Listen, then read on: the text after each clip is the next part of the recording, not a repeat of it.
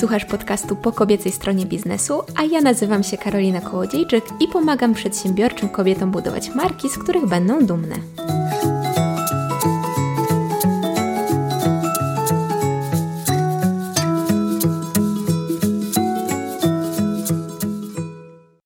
Dzień dobry, dzień dobry. Witam Cię w piątym odcinku podcastu po kobiecej stronie biznesu. I co to jest za odcinek? Ależ my mamy dzisiaj gościówę. Będziemy rozmawiać o Pinterestie, o tym, jak Pinterest wykorzystać w swoim biznesie i w swojej marce. Zdradzimy trochę sekretów na temat tego, jak stworzyć świetne piny, jak prowadzić swój profil, czego unikać, a co warto robić, żeby osiągnąć w tym medium jak najlepsze efekty, a moją gościową jest Danuta Duszeńczuk-Chmiel, dalej zwana Daną, która na co dzień prowadzi bloga kobiecefinanse.pl, ale jej takim nieco ukrytym jeszcze talentem jest genialne wręcz prowadzenie właśnie kanału na Pinterest. Nie będę ukrywać, że momentami ogrom wiedzy, którym Dana się z nami podzieliła, mnie samą przytłaczał, ale w taki bardzo pozytywny sposób w mojej głowie po prostu zapalało się mnóstwo lampek. I mam nadzieję, że Ty też tego doświadczysz i że będziesz miała mnóstwo pomysłów, mnóstwo inspiracji do tego, żeby rozwinąć swoją markę właśnie za pomocą Pinterest. Wszystkie linki, o których wspominamy, znajdziesz w opisie tego odcinka oraz na blogu kobiecastronabiznesu.com. A jeśli ten odcinek Ci się spodoba, to podziel się nim proszę z kimś, komu również może się przydać, ok? No to co, zaczynamy. Hej Dana, super, że wpadłaś. Bardzo Ci dziękuję, że gościsz po kobiecej stronie biznesu. Cześć, bardzo mi miło, że mnie zaprosiłaś. E, z chęcią podzielę się swoimi doświadczeniami związanymi z tą platformą. Mam nadzieję, że dla Twoich odbiorców ten materiał będzie bardzo ciekawy i e, nie tylko edukujący, ale również inspirujący do tego, żeby zasięgnąć właśnie e, Pinteresta i spróbować swoich sił na tej platformie, bo moim zdaniem ma ona naprawdę spore możliwości, jeżeli chodzi o marketing i sprzedaż na pewno będzie ciekawy i na pewno będzie inspirujący, bo Pinterest jest e, tak naprawdę wciąż jeszcze dość mało używaną, mało znaną platformą e, w Polsce. To znaczy, umówmy się, wiele z nas kobiet korzysta z Pinteresta do przeglądania ładnych obrazków, do zbierania inspiracji do bullet journalu czy e, jakichś takich ubraniowych, mieszkaniowych, ale w biznesie ten Pinterest jest jeszcze taki e, troszkę traktowany po macoszemu. I jak to się stało, że wobec tego e, ty na ten Pinterest trafiłaś? Co spowodowało, że się nim zainteresowałaś jako tako, takim medium promocyjnym? E, z Pinterestem w moim przypadku to jest e, dość ciekawa historia, ponieważ tak jak wspomniałaś, ludzie głównie szukają na Pinterestie różnych inspiracji, e, ładnych obrazków, które mogą później gdzieś tam odwzorować w swoim życiu, chociażby jeżeli chodzi o wystrój domu, jakieś inspiracje związanych właśnie z projektowaniem wnętrz i tak dalej. E, natomiast e, ja prowadzę bloga finansowego mm, kobiecefinanse.pl, więc e, jakby nie patrzeć, ta tematyka niekoniecznie może się kojarzyć z czymś, co można wizualnie gdzieś prezentować, a już szczególnie, żeby gdzieś to tam publikować na portalu typu Pinterest, który jakby nie patrzeć właśnie ten content wizualny głównie promuje. W moim przypadku to było o tyle, można powiedzieć, nawet przypadkowe, że mm, pewnego dnia sięgnęłam sobie po książkę Ruth Soukup, E, jak zarabiać na blogu i pozostać sobą? E, Ruth jest autorką amerykańską, prowadzi bloga i w zasadzie już nawet nie tylko bloga, tylko cały związany z nim biznes, zorientowany właśnie na skromnym życiu, minimalizmie, a jednocześnie też zarabianiu pieniędzy. E, I w ten sposób właśnie dlatego po nią sięgnęłam, głównie jako nazwisko, które kojarzyłam z branżą finansową, z tą tematyką finansową, domowego budżetu i oszczędzania.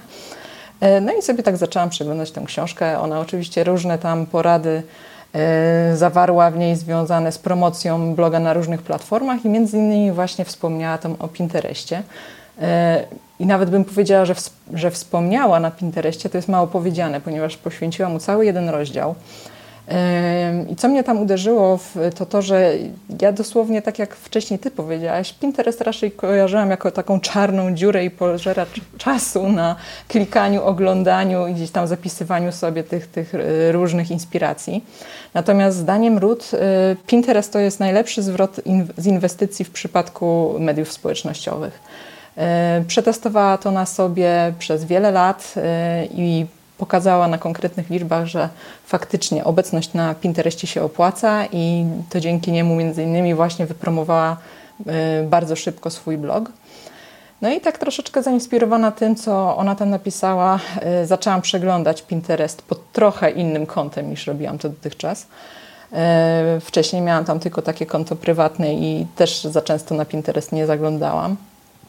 No i tak eksplorując sobie tą platformę, zobaczyłam, że faktycznie wiele zagranicznych blogów jest tam obecnych, e, tworzą swoje profile, prowadzą je w profesjonalny sposób i cieszą się dużą oglądalnością. Natomiast e, nie widać tego tak naprawdę z zewnątrz, jaki potencjał kryje się w Pinterestie i z jakim na przykład ruchem na stronę może się wiązać obecność właśnie w tym social media. No i w ten sposób jakoś stwierdziłam, a dobra, spróbujmy. E, zmieniłam swoje konto z prywatnego na biznesowe, uporządkowałam tablice, które miałam tam opublikowane, które, no tak jakby nie patrzeć, to był totalny miszmasz, zarówno jakieś przepisy kulinarne, jak i również właśnie jakieś inspiracje związane z wystrojem wnętrz, jako że parę miesięcy wcześniej się przeprowadzałam i szukałam dla własnego domu różnych pomysłów. E, pochowałam te tablice jako prywatne e, i zaczęłam powoli, powoli rozwijać to konto biznesowe bardziej pod kątem takim stricte z tematyką mojego bloga i z moim blogiem. To były działania tak naprawdę rozłożone przez, na, na, na wiele miesięcy, e, natomiast trzeba przyznać, że takiego wielkiego kopa, jeżeli chodzi o moją obecność na Pinterestie i też różne zalety, które moja, ta obecność mi przyniosła, to było Wystartowanie na blogu z wyzwaniem Październik miesiącem oszczędzania w październiku 2018, gdzie tak naprawdę każdy wpis, który na blogu się pojawił w związku z tym wyzwaniem, opatrzyłam specjalną grafiką, którą od razu po publikacji wpisu umieszczałam również na Pinterestie. E, no i jakby nie patrzeć, ten e, taki sposób działania bardzo e, fajnie mi się później zwrócił. W związku z czym y, postanowiłam, że uzupełnię wszystkie wpisy na moim blogu o grafiku przy, przygotowane pod publikację na Pinterest i w ten sposób, jeżeli ktoś trafia na mój blog i ma też y, gdzieś zainstalowaną w przeglądarce wtyczkę do Pinteresta, może bardzo szybko sobie zapisać grafiki z mojego bloga i w ten sposób wracać do nich w przyszłości bezpośrednio z Pinteresta. No i właśnie działając tak sukcesywnie, stopniowo w y, opisany sposób, dodając te grafiki w artykułach, ten ruch coraz bardziej u mnie rósł i w tej chwili to się naprawdę ciekawie u mnie rozwija i widzę, że to było dobre posunięcie, żeby właśnie zaangażować się bardziej pod kątem biznesowym prowadzenia bloga na Pinterestie. Mhm, do cyfrek za chwilkę sobie e, przejdziemy, jeszcze Cię tutaj pociągnę na ten temat za język, Aha. ale e, wiesz co, zastanawia mnie, mm, skąd brałaś wiedzę e, na temat tego, jak się w ogóle po tym Pinterestie poruszać? Wspomniałaś o tej książce Ruth Soukap, ale czy oprócz niej szukałaś jakichś innych źródeł, czy wszystko testowałaś metodą prób i błędów? Znaczy, tak jak wspomniałam, też zaczęłam się przyglądać temu, jak y, robią to zachodni blogerzy, głównie ze Stanów Zjednoczonych, bo jakby nie patrzeć, ta platforma jest mega popularna w swojej ojczyźnie, czyli w Stanach Zjednoczonych. Dostawałam, bazując na tym, co, co właśnie obserwowałam na ich profilach y, pod własnym kątem, różne, różnego rodzaju piny. E, niektóre były totalną porażką i tak naprawdę niewiele ruchu mi przyniosły. E, inne z kolei, które gdzieś tam z góry założyłam, że nie będzie na nie odzewu, ku mojemu zdumieniu przyprowadziły mi na blog spory ruch. Więc to też jest jakby wskazówka, że nie zawsze jednak intuicja i nasz własny punkt widzenia dobrze nam podpowiada i jednak to wczucie się w rolę odbiorcy końcowego jest bardzo istotne, co ludziom tak naprawdę może pasować, czego mogą szukać i na jakie grafiki reagować.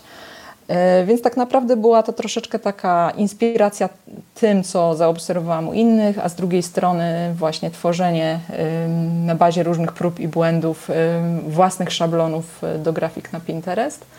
Bo tak naprawdę w tej chwili każdy wpis, y, który mam gdzieś tam na blogu, y, jest opatrzony jedną grafiką, owszem, natomiast ja jeszcze dodatkowo tworzę osobne grafiki, które później w, in, w różnych odstępach czasu publikuję, no właśnie na Pinterestie, na różnych tablicach. Okej. Okay. Wspomniałaś, że takim przełomowym momentem było dla Ciebie wyzwanie organizowane y, na blogu. Jakie liczby udało Ci się wtedy z tego Pinteresta wycisnąć? Jaki ruch wygenerowały Ci te grafiki, które sobie tam przypięłaś? Od razu powiem, że y, to nie były jakby efekty widoczne od razu po tym, jak y, publikowałam właśnie te wpisy opatrzone grafiką mhm. Y, przygotowaną pod Pinteresta. Troszeczkę trzeba było na to poczekać. Tak naprawdę taki duży skok zarejestrowałam dopiero po kilku miesiącach mm, od zamknięcia całej akcji. O ile dobrze pamiętam, był, było to w trzecim miesiącu od zamknięcia całego cyklu. Ale to też jakby nie jest reguła, tak? Na, na Pinterestie nie ma reguły. Niektóre mm, piny chwycą od razu, bo ktoś je zauważy zauważy, wpadną komuś w oko, a niektóre dopiero po kilku miesiącach bądź nawet latach są też takie przypadki, że jakiś pin odżyje po paru latach i zacznie e, generować fajny ruch e, na nasze strony. Związane jest to też troszeczkę z tym, w jaki sposób działa Pinterest. E, piny żyją tam cały czas. W każdej chwili ktoś może się dokopać do naszej starszej publikacji i poprzez szerowanie zwane na Pinterestie repinowaniem sprawić, że treść, która troszeczkę nam już gdzieś tam się przykurzyła, nagle stanie się wiralowa. Aktualnie Pinterest to drugie źródło ruchu na mojego bloga, zaraz po wejściach organicznych z Google'a. I też przygotowałam sobie taki wypis, jak to wyglądało w ostatnich dwóch tygodniach y, naszego nowego miesiąca, czyli lipca. Jeżeli chodzi o te statystyki, to już sobie zerkam na moją ściągę. Tak, od początku lipca do wczoraj 61% y, użytkowników y, weszło na moją stronę właśnie z Google'a natomiast 30% z social mediów i w tej grupie social mediowej aż 92% ruchu generuje Pinterest. Wow. To wszystko, co teraz mówię, to oczywiście na takich względnych wartościach, więc może trochę podam liczb bezwzględnych. E, do wczoraj jest to 2990 sesji z Pinteresta. Na drugim miejscu dla porównania jest Facebook z zaledwie 210 sesjami. Później jest Instagram z zaledwie sześcioma wejściami, więc widać, jaka jest duża rozbieżność pomiędzy Pinterestem a resztą bardzo popularnych social mediów mhm. w, w, Polsce. A doprecyzujmy, że nagrywamy ten podcast 15 lipca, tak? Podajesz dane tak, od tak, początku dokładnie. miesiąca, więc y, to jest no, naprawdę, y, nie spodziewałam się, że, y, że ten wynik będzie u Ciebie aż tak fajny, jeśli chodzi o mm, ten Pinterest. I zastanawiam się teraz, z czego wynika Twoim zdaniem mm, ta, ta przewaga? Czy tylko z tego, że te piny żyją dłużej niż pojedynczy content na Facebooku e, i na Instagramie, czy są Twoim zdaniem jeszcze jakieś inne powody, dla których Pinterest jest po prostu świetną wyszukiwarką tak naprawdę? Tak, to co powiedziałaś jest bardzo istotne, ponieważ dużo osób uważa, że Pinterest to po prostu kolejne medium społecznościowe, na którym budujemy swoją sieć kontaktów. Ta jego funkcja owszem istnieje, natomiast jest jakby zepchnięta na dalszy plan, bo Pinterest to przede wszystkim graficzna wyszukiwarka inspiracji różnych mm, treści. E, jeżeli chodzi o mm, silnik i algorytm Pinteresta, to jest jakby jedna sprawa, że te piny mogą żyć tak naprawdę przez bardzo długi czas. E, drugą kwestią jest moim zdaniem to, że Pinterest potrafi e, pomóc nam bardzo precyzyjnie dotrzeć do naszych odbiorców docelowych. Jeżeli dokładnie sobie e, opiszemy naszą personę, do której chcemy trafić z naszym przekazem i później dobierzemy odpowiednie do tego działania, no to jest duża szansa, że trafimy właśnie do takich odbiorców bez konieczności sięgania po jakieś płatne reklamy.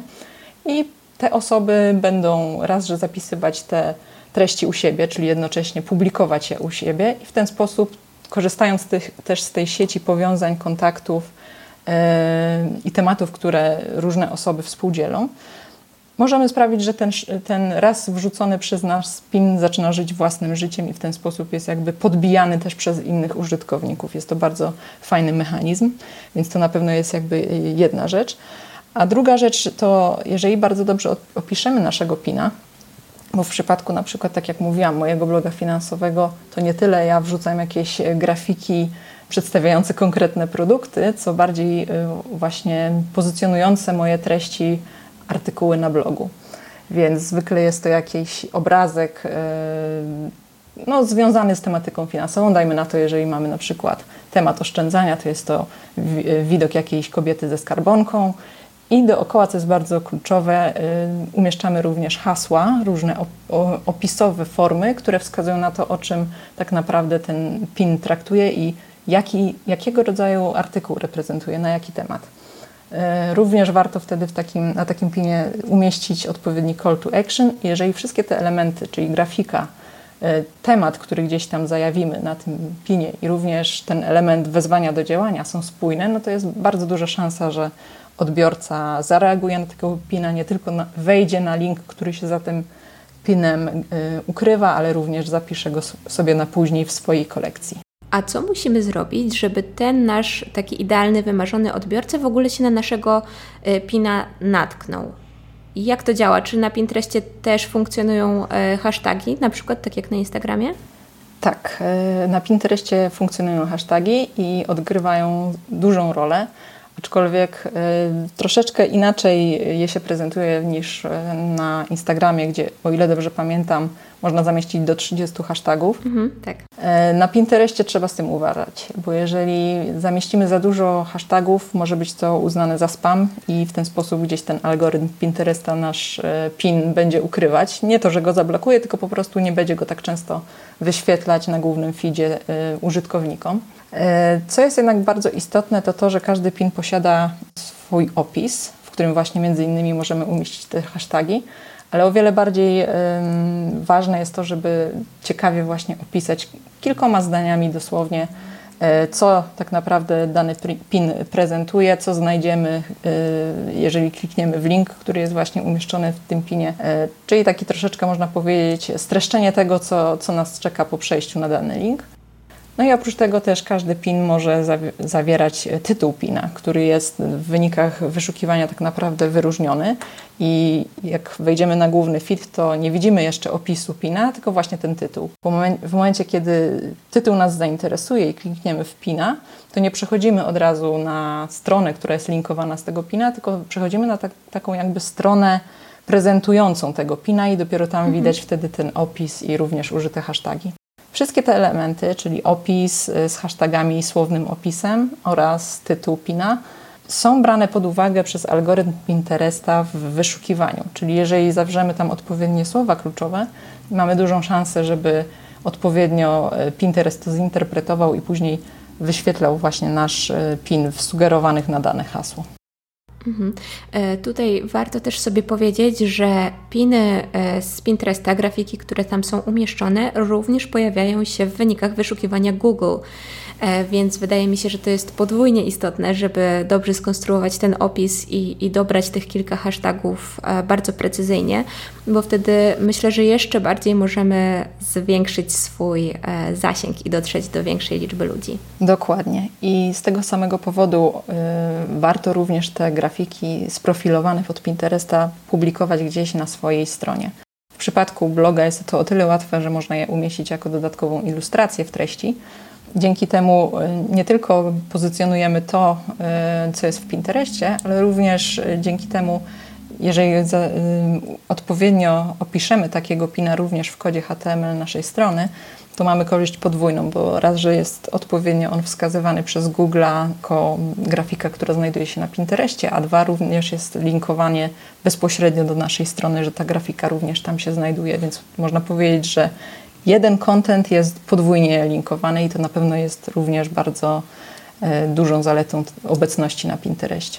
To jest e, świetna wskazówka, to co teraz powiedziałaś, ale jeśli ktoś jest taką nie bójmy się tego słowa, lamą jak ja i w ogóle nie potrafi się Pinterestem e, w taki sposób biznesowy posługiwać, no to pewnie teraz słyszy to i łapie się za głowę, e, bo zupełnie nie ma pojęcia, jak dojść do tego punktu, żeby sobie e, świetnie podwójnie linkować i umieszczać grafiki. A więc co musi zrobić taka osoba, taka lama, i mówię to absolutnie z pełnym szacunkiem do naszej nieumiejętności obsługi tego medium, żeby tam w ogóle zacząć?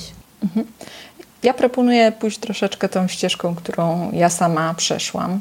Czyli na początek warto sobie odpowiedzieć na pytanie, jaki tak naprawdę cel ma mieć nasza obecność na Pinterestie, co chcemy dzięki temu serwisowi osiągnąć. Czy jest to zwiększenie ruchu na stronę, czy chcemy zaprezentować produkty i zwiększyć jakoś naszą sprzedaż, czy zależy nam bardziej na zbudowaniu społeczności osób o podobnych zainteresowaniach i zapraszaniu tych osób do tablic grupowych, na przykład, które wspólnie z nimi możemy tworzyć.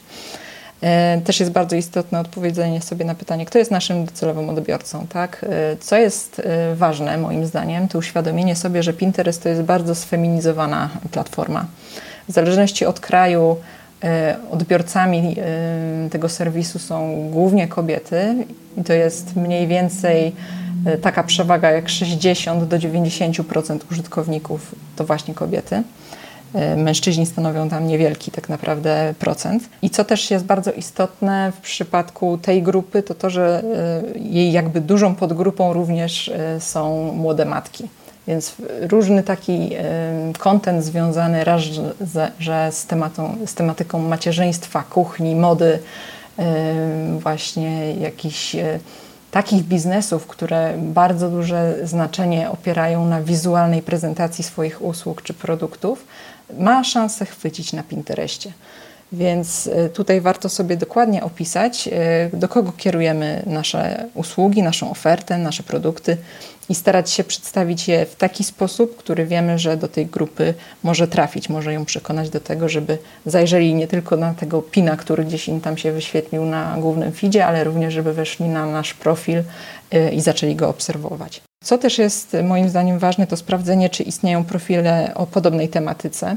E, to nie tylko muszą być e, profile krajowe, bo tak jak już powiedziałyśmy, Pinterest w Polsce nie jest aż tak popularny i tak naprawdę dobrych wzorców, jeżeli chodzi o prowadzenie kont, jest w Polsce niewiele. E, dlatego warto sobie sięgnąć do tych źródeł zagranicznych, do sklepów, czy blogów, czy różnych znanych osób, które prowadzą za granicą swoje profile na Pinterestie i zobaczyć, jak one są prowadzone, jakie treści są publikowane, jak jest skonstruowany profil mm, danego biznesu, na jakie tablice został podzielony. Oczywiście nie chodzi o to, żeby to wszystko kopiować jeden do jeden, tylko żeby zobaczyć mniej więcej w jaki sposób y, działa nasza konkurencja zagraniczna. No i te najlepsze praktyki gdzieś tam spróbować przenieść na nasz grunt, ale też trzeba właśnie mieć gdzieś z tyłu głowy, że nie wszystko, co się za granicą sprawdzi, sprawdzi się również u nas na polskim podwórku. A jak wygląda idealny PIN? To znaczy taki, który y, przykuwa uwagę, który zachęca do kliknięcia. Abstrahuję tutaj już y, od opisu i bardziej chciałabym, żebyśmy się skupiły przez moment na warstwie wizualnej. Czy są jakieś takie wytyczne, wskazówki, co możemy zrobić, e, żeby właśnie te nasze piny były po prostu e, no, popularne? Co jest ciekawe i co moim zdaniem znacząco różni to, co się dzieje na Instagramie, a na Pinterestie, jest fakt, że o ile na Instagramie publikujemy głównie taki content, na którym prezentujemy ludzi i emocje, o tyle na Pinterestie bardziej należy się skupić właśnie na prezentacji usług i produktów. E, badania wskazują, że te piny, na których są wykorzystane ludzkie twarze, e, mniej konwertują niż właśnie piny, na których e, są wykonane ładnie zdjęcia, na przykład produktowe. Więc to może być zaskakujące, ale to też pokazuje, że do czego innego służy faktycznie Instagram, a do czego innego Pinterest i czego innego szukamy na Pinterestie. To jest typowo e, takie miejsce, w którym szukamy inspiracji, e, szukamy rzeczy, przedmiotów, ludzi, owszem, ale pod tym kątem, którzy mogą nam jakoś uprościć życie, ułatwić, e, rozwiązać jakiś problem, coś zmienić w naszym życiu. I to trzeba mieć też gdzieś tam z tyłu głowy, że powinniśmy się przede wszystkim kierować tym, żeby pokazać, co mamy do zaoferowania. I często warto dzięki, dzięki tej wiedzy, którą właśnie posiadamy, jak funkcjonuje Pinterest, wykorzystać to do przedstawiania na przykład właśnie takich elementów e, kluczowych, które budzą skojarzenia z jakimś tematem. Tak jak wcześniej wspomniałam, jeżeli mówimy o oszczędzaniu i finansach, to takim można powiedzieć graficznym, graficzną reprezentacją jest ta skrzynka skarbonka albo koperta podpisana rachunki i tego typu rzeczy. Więc jeżeli chcemy przykuć skutecznie czyjąś uwagę, to powinniśmy takich znanych, można powiedzieć nawet trochę wyświechtanych symboli używać w tworzeniu naszych pinów. E, co jest też istotne, to to, żeby e, nie stosować zbyt wyblakłych, zlewających się ze sobą kolorów, bo to niestety sprawia, że w tym ferworze różnych kolorów, które się na feedzie pinterestowym pojawiają, po prostu nasz pin wygląda nijako, gdzieś tam ginie w tym tłumie. W Pinterestie bardzo istotne jest to, żeby właśnie wyróżnić się i przykuć uwagę e, użytkownika. Mm, jak tego dokonać? No można właśnie stosować zasadę kontrastu, czyli zestawiać ze sobą kolory, które może nie tyle, że się ze sobą gryzą, bo wtedy zwykle te grafiki nie wyglądają ładnie, są męczące, ale takie, które gdzieś tam wzajemnie y, się podkreślają, pasują i mają taki, można powiedzieć, trochę energetyczny przekaz. Y, też dowiedziono, że stosowanie ciepłych, y, wyrazistych kolorów na Pinterestie bardzo dobrze konwertuje. Czyli jeżeli zastosujemy kolory typu czerwień, pomarańczowy, różowy, to na pewno gdzieś tam ten współczynnik zainteresowania wśród odbiorców będzie rósł. Co też jest istotne, to to, żeby właśnie te kolory były raczej takie optymistyczne. Szarości, czernie niekoniecznie są tymi kolorami, które są jakoś faworyzowane przez użytkowników Pinteresta. Powiedz proszę, czy wobec tego, co powiedziałaś teraz e, i wobec tego, co powiedziałaś wcześniej, czy Twoim zdaniem w kontekście biznesowym piny, grafiki bez żadnego tekstu mają jakąkolwiek szansę powodzenia? Przyznam, że ja takich grafik u siebie nie stosowałam, nie testowałam tego. Wszystkie moje piny zawierają chociażby jedno słowo tekstu, po to, żeby właśnie jakoś też działać w ten sposób, że zwracają na siebie uwagę y, z wykorzystaniem tego słowa kluczowego. Mm, natomiast też to, to zależy w dużym stopniu od tego, po co mamy to konto na Pinterestie, bo jeżeli mamy na przykład, e, chcemy promować nasz sklep online, to możemy stworzyć własną tablicę poświęconą różnym produktom z danej kategorii, e, która jest w naszym sklepie online i tam wrzucać e, zdjęcia stricte tych produktów na samym pinie już nie stosować tekstu, natomiast bardzo y, dużą wagę przyłożyć do tego, żeby odpowiednie słowa kluczowe znalazły się w tytule tego pina i w jego opisie. Więc można to też w ten sposób obejść.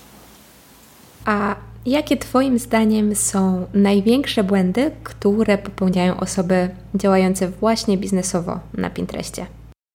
Myślę, że e, jednym z ważniejszych błędów, i to nie tylko w kontekście Pinteresta, ale ogółem obecności w mediach społecznościowych, jest brak konsekwencji. E, jeżeli już decydujemy się na obecność na Pinterestie, ważne jest to, żeby zachować regularność naszych działań, i spójność tych działań. Tak? Jeżeli będziemy co tydzień zaskakiwać odbiorców innego rodzaju treściami, kasować tablice i wrzucać w ich miejsce nowe, no to na pewno tutaj nie zbudujemy szybko swoich zasięgów, ani też nie wzbudzimy większego zaufania i zainteresowania ze strony odbiorców, którzy tak naprawdę nie będą do końca przekonani, czym tak naprawdę nasz profil się zajmuje i, i o czym traktuje.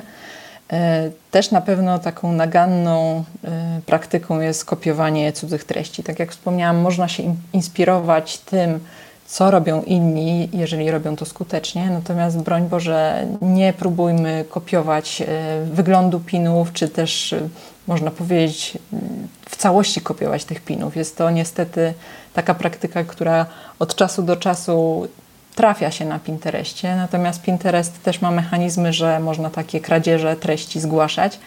No i w najmniej takim bolesnym przypadku to Pinterest usunie nam po prostu ten skradziony content, a w takim najbardziej bolesnym to po prostu zablokuje nam konto i powie do widzenia więc nie ma co ryzykować i próbować kopiować cudzej pracy. Nie jest to dobra droga. Zwłaszcza jeżeli skopiowana treść mówi o jednym, a link, który się pod nią kryje, tak naprawdę prowadzi w inne miejsce i mówi o czym innym. Takie mylące linki prowadzące nie do tej treści, o której mówi sam PIN, również są piętnowane na Pinterestie i użytkownicy to zgłaszają. To jest akurat taka społeczność, że jeżeli widzą, że gdzieś tam się pojawia spam, e, kradzież treści i tego typu działania, no to użytkownicy nie mają skrupułów, żeby takie rzeczy zgłaszać, a Pinterest bardzo sprawnie również na takie zgłoszenia reaguje. E, to, co również warto by było poprawić na swoim koncie Pinterest, to to, jeżeli mamy bałagan na profilu. Należy to uporządkować. Tak jak wspomniałam, ja na początku działalności miałam z mojej działalności na Pinterestie miałam takie troszeczkę bardziej prywatne konto, gdzie miałam sporo tablic, które nijak się nie wiązały z tematyką mojego bloga i na szczęście Pinterest w takim przypadku nie wymusza na nas kasowania tych wszystkich treści, ale możemy je oznaczyć jako tablice ukryte i wtedy te nasze kolekcje nie są widoczne dla innych użytkowników, nie wprowadzają chaosu w Pinterestowe SEO. Natomiast my mamy stale dostęp do tego typu tablic i tych wszystkich pinów, które gdzieś tam e, zapisaliśmy w nich. Mm, I co jeszcze bym tutaj mogła wspomnieć, to takim kolejnym błędem popełnianym na Pinterest jest też na, na, przykład skupianie się wyłącznie na największej liczbie miesięcznych odwiedzin czy też wyświetleń. To jest taka statystyka, którą e, Pinterest wyświetla wszystkim e, kontom biznesowym w, tak naprawdę tuż pod nazwą profilu. Można sobie podejrzeć wtedy, jaką odwiedzalnością cieszy się dany profil, natomiast nie jest to metryka, która tak naprawdę mówi o jakości profilu i jakości ruchu, który y, można wygenerować z takiego profilu na, na swoje strony, na swój blog, na, na, do swojego sklepu internetowego i tym podobne. Mhm.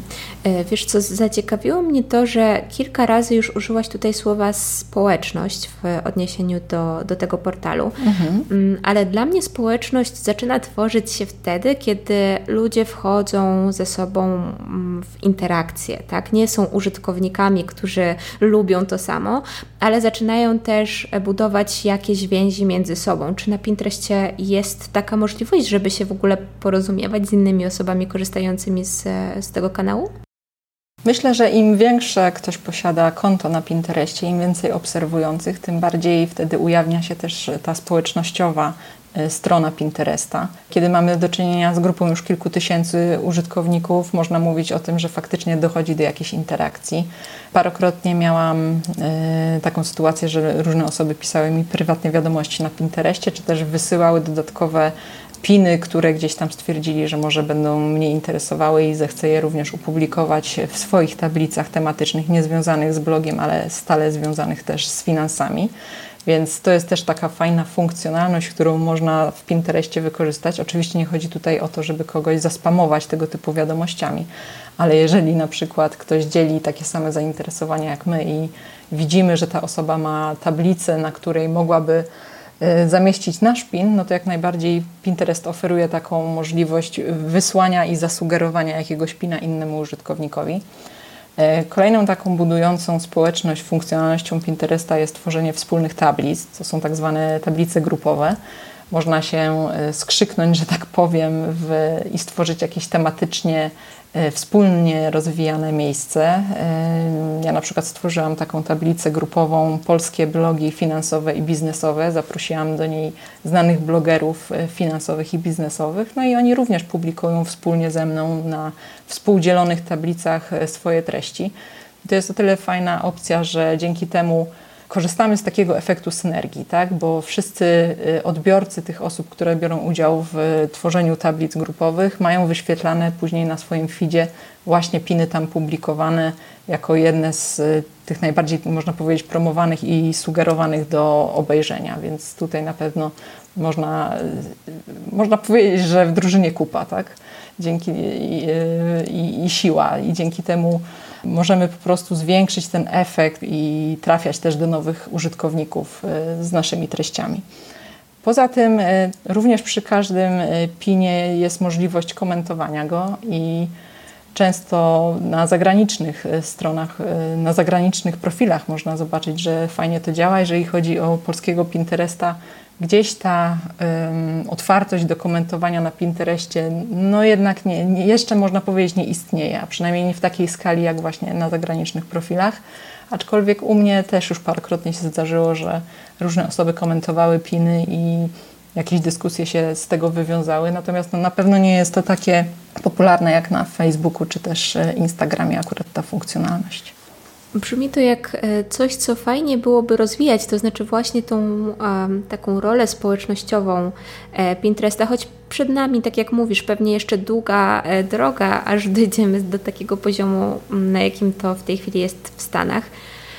Ale tak, powiedziałaś już o rzeczach, których powinnyśmy się wystrzegać na Pinterestie i wrzuciłaś w trakcie naszej rozmowy bardzo dużo przydatnych wskazówek, co możemy zrobić, żeby te nasze piny tam żyły i przynosiły nam e, ruch. Więc może spróbujmy sobie to podsumować, a może będziesz chciała coś jeszcze e, dodać, jeśli chodzi o takie dobre e, praktyki prowadzenia Pinterest dla biznesu.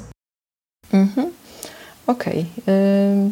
Jeżeli chodzi o te najlepsze praktyki, to to, co powiedziałam, że wcześniej o popełnianych błędach, że brak konsekwencji jest jednym z nich, to na pewno regularność publikacji jest e, tą praktyką, którą powinniśmy się starać e, utrzymywać przy życiu cały czas.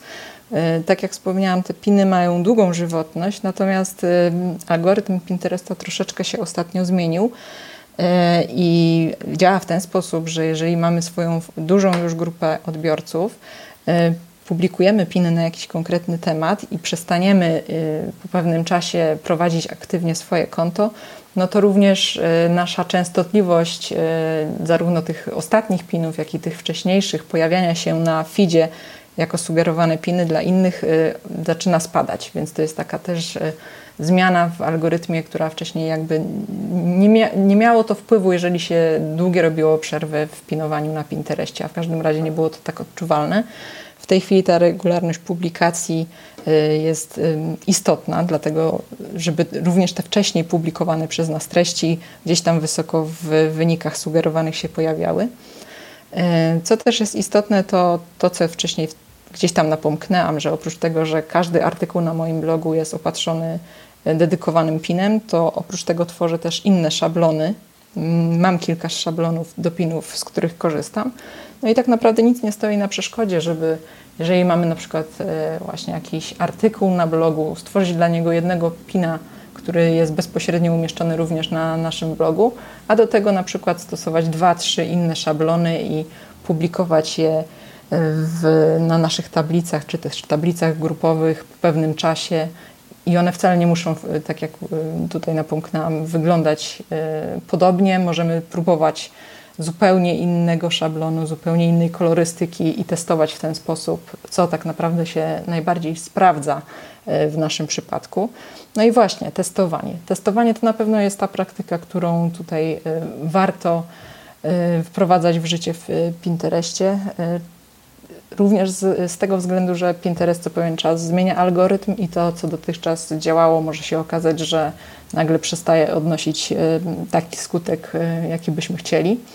Dlatego bardzo istotne jest też co pewien czas y, zmieniać te szablony, próbować na przykład innej częstotliwości pinowania, y, próbować y, pinować o innych porach dnia, zwiększyć na przykład liczbę pinów, które gdzieś tam wrzucamy na tablice grupowe zamiast na profilowe. Innym razem znowu troszeczkę mniej publikować w tablicach grupowych i wrócić bardziej aktywnie do publikowania na własnych tablicach, więc tutaj należałoby ciągle gdzieś te testy przeprowadzać i reagować odpowiednio, jeżeli zobaczymy, że y, coś przynosi większy skutek i lepsze rezultaty. No i co też y, myślę tutaj warto podkreślić, to to, że Pinterest to jest taka platforma, która jest bardzo wrażliwa na sezonowość różnych tematów, na te trendy, które gdzieś tam y, o określonej porze roku się pojawiają. Jeżeli planujemy na przykład, y, mamy swój sklep internetowy i planujemy mm, jakąś akcję z okazji Czarnego Piątku, no to warto gdzieś tam te 2-3 tygodnie przed tym wydarzeniem zacząć publikować już na przykład piny informujące o tym, że będzie jakiś specjalny system zniżek na naszym, w naszym sklepie, albo że na przykład e, dzięki temu, że wejdziemy z konkretnego linka z Pinteresta, dostaniemy dedykowany rabat tylko dla użytkowników Pinteresta, więc na pewno tutaj warto wykorzystać tą sezonowość i zrobić taki ukłon w stronę tych wszystkich użytkowników, którzy wiedzą o naszym sklepie i o naszych produktach właśnie dzięki temu, że obserwują nas e, na Pinterestie i z niego korzystają. Zaintrygowałaś mnie jedną rzeczą, którą teraz e, powiedziałaś. Zasugerowałaś, żeby testować godziny, w których wrzucamy piny. Czy to jest naprawdę istotne, o której my godzinie e, wstawimy na Pinterest nasz obrazek? Czasami tak. Na przykład, jeżeli staramy się głównie dotrzeć do, tak jak wspomniałam wcześniej, na przykład młodych matek, które raczej większość czasu koncentrują się na swoich dzieciach i tam w przerwach, powiedzmy po śniadaniu czy przed pracą mają chwilę, żeby coś sprawdzić na Pinterestie, no to może się okazać, że gdzieś ta publikacja we wczesnych godzinach między 7 a 9 będzie dla nas e, o tyle lepsza, że jest większa szansa, że szybciej trafimy do tych odbiorców. Tak jak wcześniej mówiłam, te piny i tak żyją długo, natomiast na e, feedzie naszych odbiorców też jest wyświetlany kontent, który dopiero co został wrzucony. To jest po prostu, można powiedzieć, oznaczone jako takie nowości wśród tych tablic które, i tych profili, które obserwujemy.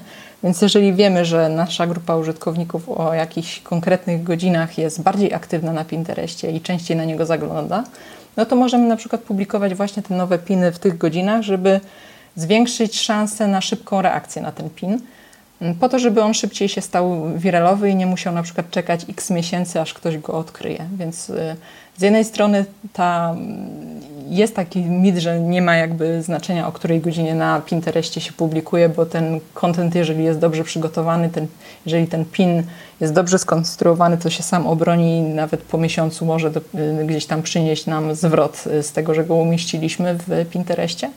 Natomiast możemy zwiększyć swoje szanse na szybsze repinowanie wśród innych użytkowników, jeżeli właśnie dobrze znamy odbiorców docelowych naszych treści i wiemy, w jakich godzinach są oni najaktywniejsi na Pinterestie. To jest mega ciekawe. Generalnie głowa paruje mi od e, tego ogromu informacji, które tutaj przekazałaś mi i, i naszym e, słuchaczkom, ale powiedz proszę, czy my możemy nauczyć się od Ciebie tego gdzieś jeszcze? Czy e, bo jak powiedziałaś, prowadzisz blog o tematyce finansowej. I gdzie jest Twoja przestrzeń na dzielenie się wiedzą o Pinterestie właśnie? Powiem tak, e, dotychczas nigdy nie zastanawiałam się nad tym, żeby jakoś bardziej się w Pinteresta zagłębiać od strony tego, żeby nauczać o Pinterestie. Natomiast fakt, że miałam też sporo e, pytań o to, jak ja sobie właśnie na tym Pinterestie radzę i jak to się dzieje, że mam tak dobrze, dobre wyniki z obecności na tej platformie. E, w związku z czym zrodził się w mojej głowie taki pomysł, żeby przygotować kurs związany z obecnością na Pinterestie, jak można tam promować swoją markę i rozwijać z jego pomocą biznes. No i w ten sposób y, zaczęłam przygotowywać taki kurs. Y, dla zainteresowanych tym kursem przygotowałam również krótkiego e-booka o trendach na Pinterestie. Wszystkie te rzeczy, zarówno ten e-book, jak i Zakres kursu, który ma się ukazać, możecie znaleźć na stronie pinspiracja.pl. Podlinkujemy sobie, żeby łatwiej było trafić. Tak, w związku z tym, że tak jak mówiłyśmy wcześniej, Pinterest to jest, można powiedzieć, taki zbiór różnych inspiracji, stąd też nazwa właśnie strony pinspiracja.pl, taka gra słów. I tam będę się głównie koncentrować na tym, jak właśnie promować swoją markę, jeżeli nawet mamy zerowy bądź bardzo mały budżet e, w sposób efektywny i przynoszący korzyści. Bo tak jak gdzieś wcześniej też wspomniałam podczas naszej rozmowy, liczba odwiedzających nasz profil na Pinterestie to jest jedna rzecz, ale tak naprawdę efektywność profilu to jest druga rzecz. Jeżeli y, mamy dobrze prowadzony profil, wiemy, kto jest naszym y, odbiorcą docelowym, no to nie ma szansy na jakąś przypadkowość w, y, w prowadzeniu profilu na Pinterestie i ten ruch jest naprawdę dobrej jakości.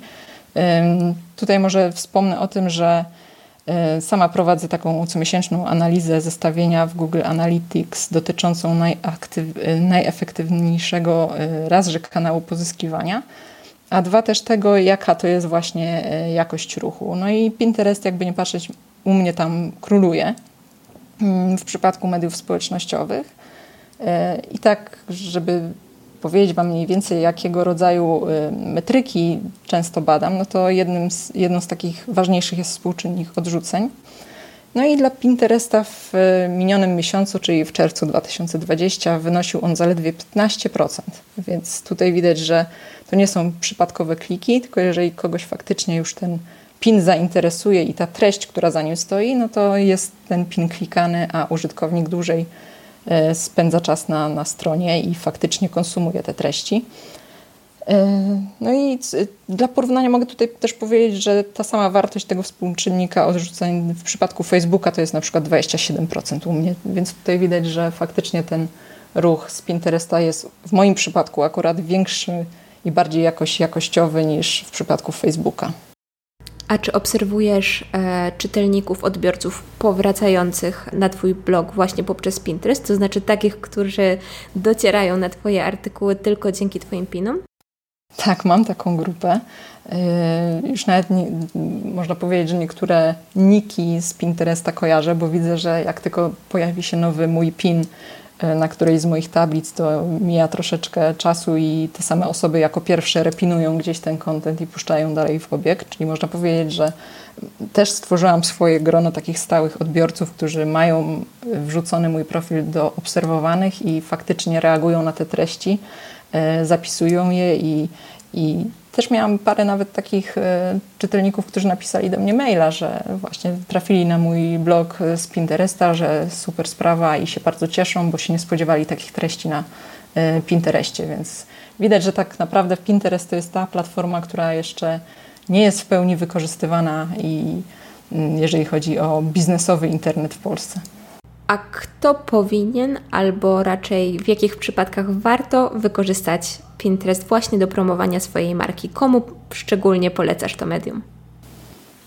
Ja myślę, że w, w, tak naprawdę nie ma tutaj jakichś sztywnych reguł, ponieważ yy, no, ja jakby nie patrzeć, mam tematykę bloga taką mało, można powiedzieć, atrakcyjną wizualnie. E, nie mam też żadnych takich namacalnych produktów, które mogłabym gdzieś tam zamieszczać na Pinterestie i w ten sposób zapraszać do siebie. E, w moim przypadku okazało się, że po prostu te tematy ludzi interesują i użytkowniki, użytkownicy Pinteresta faktycznie szukają rozwiązań swoich problemów związanych z finansami. Jest to dla nich inspirujące. Tworzą swoje własne tablice związane z finansami, oszczędzaniem i zarządzaniem e, domowym budżetem. Więc czasami tak naprawdę nie warto się zastanawiać, czy to jest dobre miejsce dla nas, tylko zacząć tam działać i stać się tak naprawdę przodownikiem i osobą, która wyznacza trendy na Pinterestie. To jest e, ta, taka przestrzeń w polskim interne internecie, która nie jest jeszcze w pełni zagospodarowana, dość niszowa i tak naprawdę każdy, kto w kreatywny sposób znajdzie swój e, swój e, jakiś taki rytm działania na Pinterestie i prezentowania tego, co ma do zaoferowania, to na pewno wzbudzi zainteresowanie użytkowników, znajdzie swoją grupę docelową i myślę, że to jest kwestia tak naprawdę kilku miesięcy, żeby nawet już jakąś tam grupę małą, swoją własną zbudować. W tej chwili w moim przypadku to wygląda tak, że pod kątem biznesowym działam na Pinterestie od połowy 2018 roku. Y, mam już ponad 3000 osób, które mnie stale obserwują, co jakby nie patrząc, y, akurat na Pinterestie stanowi bardzo dużą grupę. Y, no i tak jak wspomniałam, są to użytkownicy, którzy aktywnie reagują na to, co, co ja tam publikuję, gdzieś to szerują dalej, zapisują i widać, że te, te treści są konsumowane. Nie jest to przypadkowy ruch z zagranicy. A więc możemy wykorzystać Pinterest nie jak e, inspirację e, i jako czarną dziurę do przepadnięcia na długie wieczory, ale tak naprawdę jako taką platformę nieco edukacyjną, bo wspomniałaś na samym początku i bardzo mi się to spodobało, że na Pinterestie użytkownicy szukają rozwiązań swoich problemów, jakichś konkretnych wskazówek, jak mogą poprawić jakiś tam element e, swojego życia, więc myślę, że mm, to jest taki takie coś, taka myśl, z którą e, zostawimy teraz nasze e, słuchaczki. I myślę, że bardzo dobrze dowiodłaś też, że jeśli czyjąś grupą docelową są w dużej mierze kobiety, to powinien teraz, powinna taka nasza przedsiębiorczyni zakasać rękawy i po prostu zasuwać na ten Pinterest, testować i sprawdzić, co się wydarzy. Dokładnie. Tym bardziej, że Pinterest y, oferuje coraz więcej takich narzędzi, które wspierają sprzedaż. Nie wszystkie jeszcze są dostępne w Polsce, owszem, ale od pewnego czasu na przykład oferuje również płatne reklamy. e, bezpłatnych reklam, jeżeli dobrze trafimy do swojej grupy docelowej i znajdziemy swój sposób na skuteczne piny, no to wtedy możemy sobie radzić też bardzo dobrze. Nie jest to konieczność, żeby wykupywać te reklamy, natomiast na pewno jest to jakiś nowy sposób do tego, żeby jeszcze dodatkowo zwiększać swoje zasięgi na Pinterestie i docierać do nowych odbiorców. Mhm. O reklamach już nie będziemy dzisiaj rozmawiać, bo to myślę, że będzie e, na drugą część naszego podcastu świetny temat. I miałam już kończyć, ale zadam Ci jeszcze ostatnie pytanie. Ile czasu zajmuje Ci opinowanie jednego wpisu na blogu, czyli przygotowanie opisu, grafiki, umieszczenie tego e, na Pinterestie? Pierwszy pin zwykle traktuję jako element tworzenia po prostu artykułu, czyli póki nie mam przygotowanego opisu na Pinterest i tak samo grafiki na Pinterest, to po prostu nie publikuję artykułu. E, staram się to robić kompleksowo i dzięki temu nie tracę dodatkowo, można powiedzieć, jeszcze czasu na zmianę kontekstu, że ojejku, tutaj jeszcze muszę zrobić grafikę na Pinteresta. Zwykle to jest tak, że jak artykuł się u mnie pojawia, to już taką grafikę ma wbudowaną w treść i tak naprawdę zarówno ja, jak i inni czytelnicy możemy już zacząć szerować ten content, gdzieś tam zapisywać na swoich tablicach.